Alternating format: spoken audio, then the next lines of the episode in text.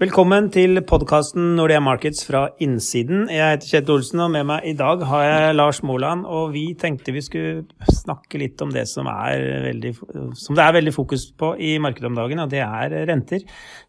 Vi tenkte vi skulle begynne litt internasjonalt og se litt på renteoppgangen som har vært ute i de litt lange fastrentene, særlig. Og så skal vi skli etter hvert over oss og snakke om eh, norske renter og, og, Norges Bank og mulighetene for eh, renteøkninger i år.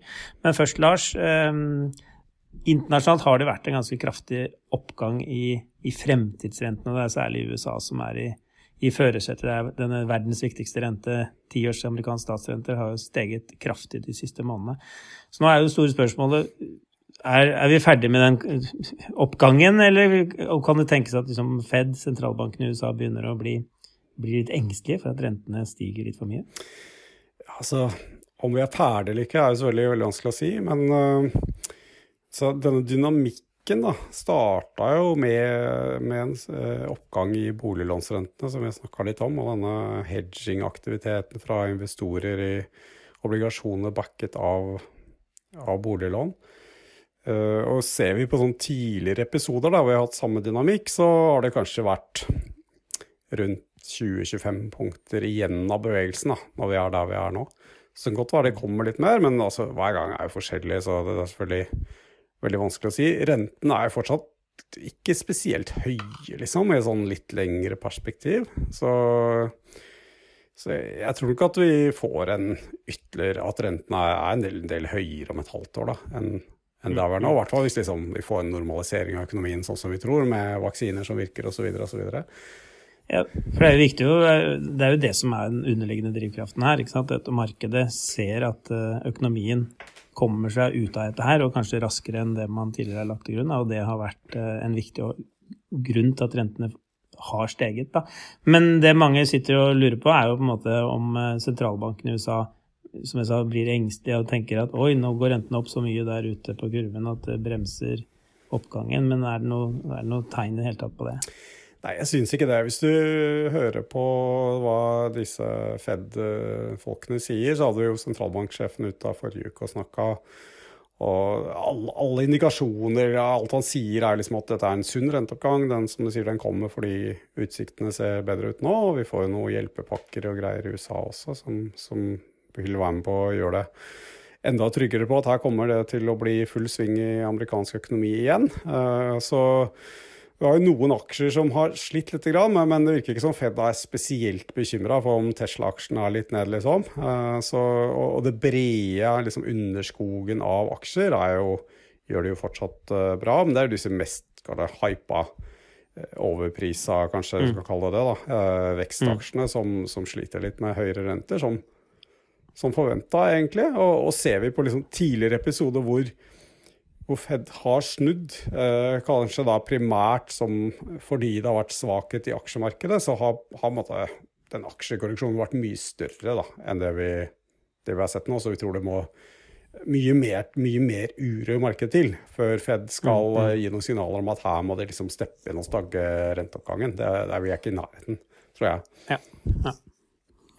Så, så, det er på en måte det, det, korte bildet. Som jeg sa, vi er veldig usikker på bevegelsen videre. Historisk er det kanskje litt mer jus igjen i den der dynamikken vi ser på kort sikt, men så tror vi at en fortsatt normalisering av, av økonomien og, og, økt optimisme vil gi god liksom, medvind og, og, og, dra rentene litt høyere opp i løpet av året i år. Da.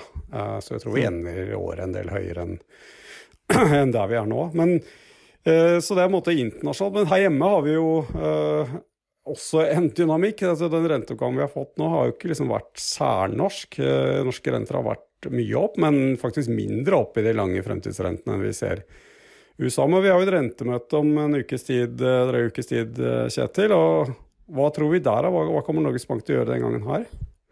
De kommer ganske så sikkert til å oppjustere sine prognoser både for økonomien fremover og for renta. Det er så mange forhold nå som trekker i den retning. Og det er liksom Det er litt sånn rart å snakke om det, fordi akkurat nå så går det jo seier i økonomien, og restriksjonene er strengere, og, og i morgen eh, så blir det kanskje enda kraftigere restriksjoner.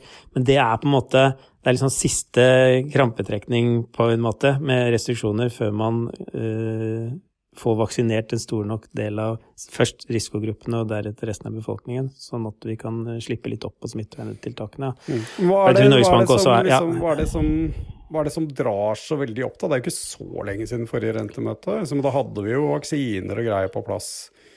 Eh, ja, men det var fortsatt litt sånn usikkerhet på leveransene der, og det har vi fått mye mer trygghet på nå. Og, og, og konsensus for vaksineleveranse nå er at eh, alle voksne får eh, første dosen eh, før vi tar sommerferie, på en måte.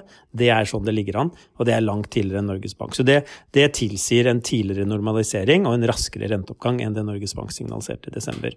Så da, da sa de tidlig 2022 Ehm, det, Vaksineutrullingen alene eh, tilsier at den første renteøkningen blir flytta på denne siden av nyttår.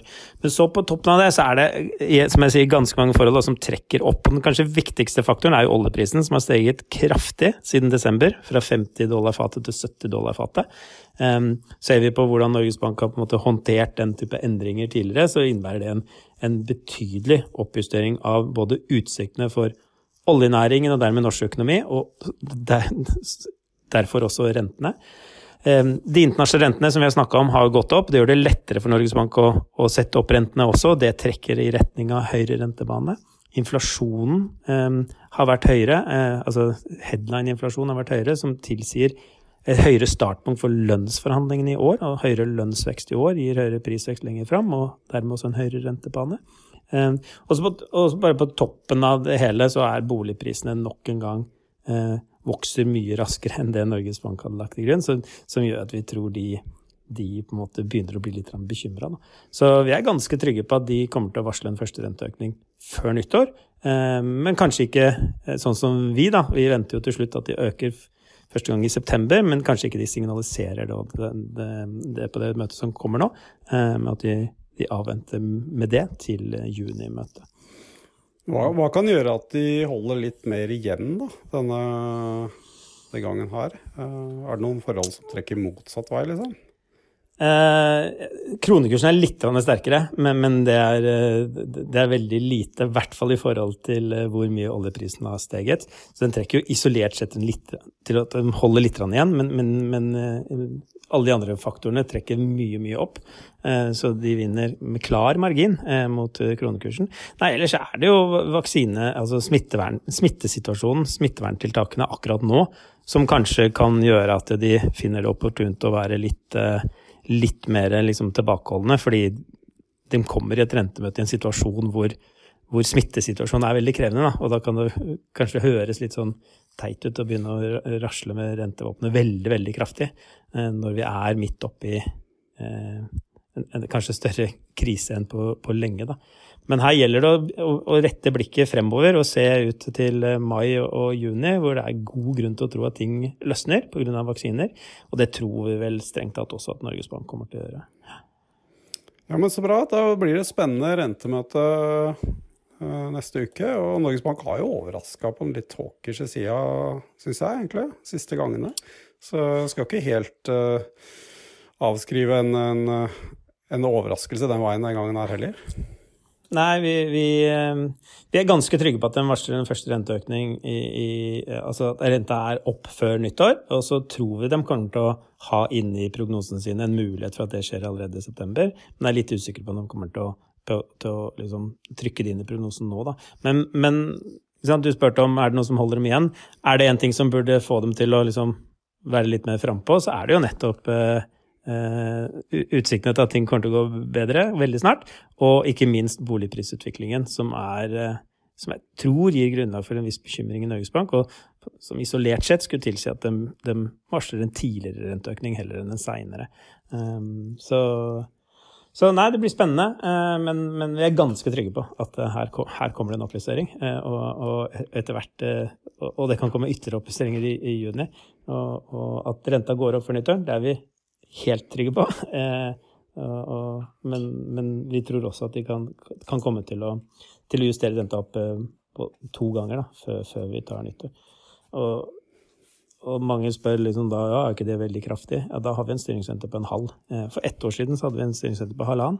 Så det er ikke så veldig lenge siden. Så ja, Det virka jo som det gikk eh, fint. Det gikk veldig fint, og en halv prosent er ikke veldig høyt. sånn at uh, det er noe med hvor du kommer fra. Da. Så det blir litt sånn, nesten litt sånn russiske prosenter. Men, så jeg tror Norges Bank er veldig innstilt på å prøve å få rentene opp mot et mer normalt nivå så, så fort de på en måte Eh, økonomien gir dem muligheten til det, da, og det er vi ganske trygge på at økonomien kommer til å gi. Ja, da vet vi litt, det vet vi litt mer om, om om, en drøy uke. Da tror jeg vi takker for oss eh, for i dag. At du har hørt på podkasten eh, Nordea Markets fra innsiden. Jeg heter Lars Mauland, og med meg har jeg hatt Kjetil Olsen. Takk for nå.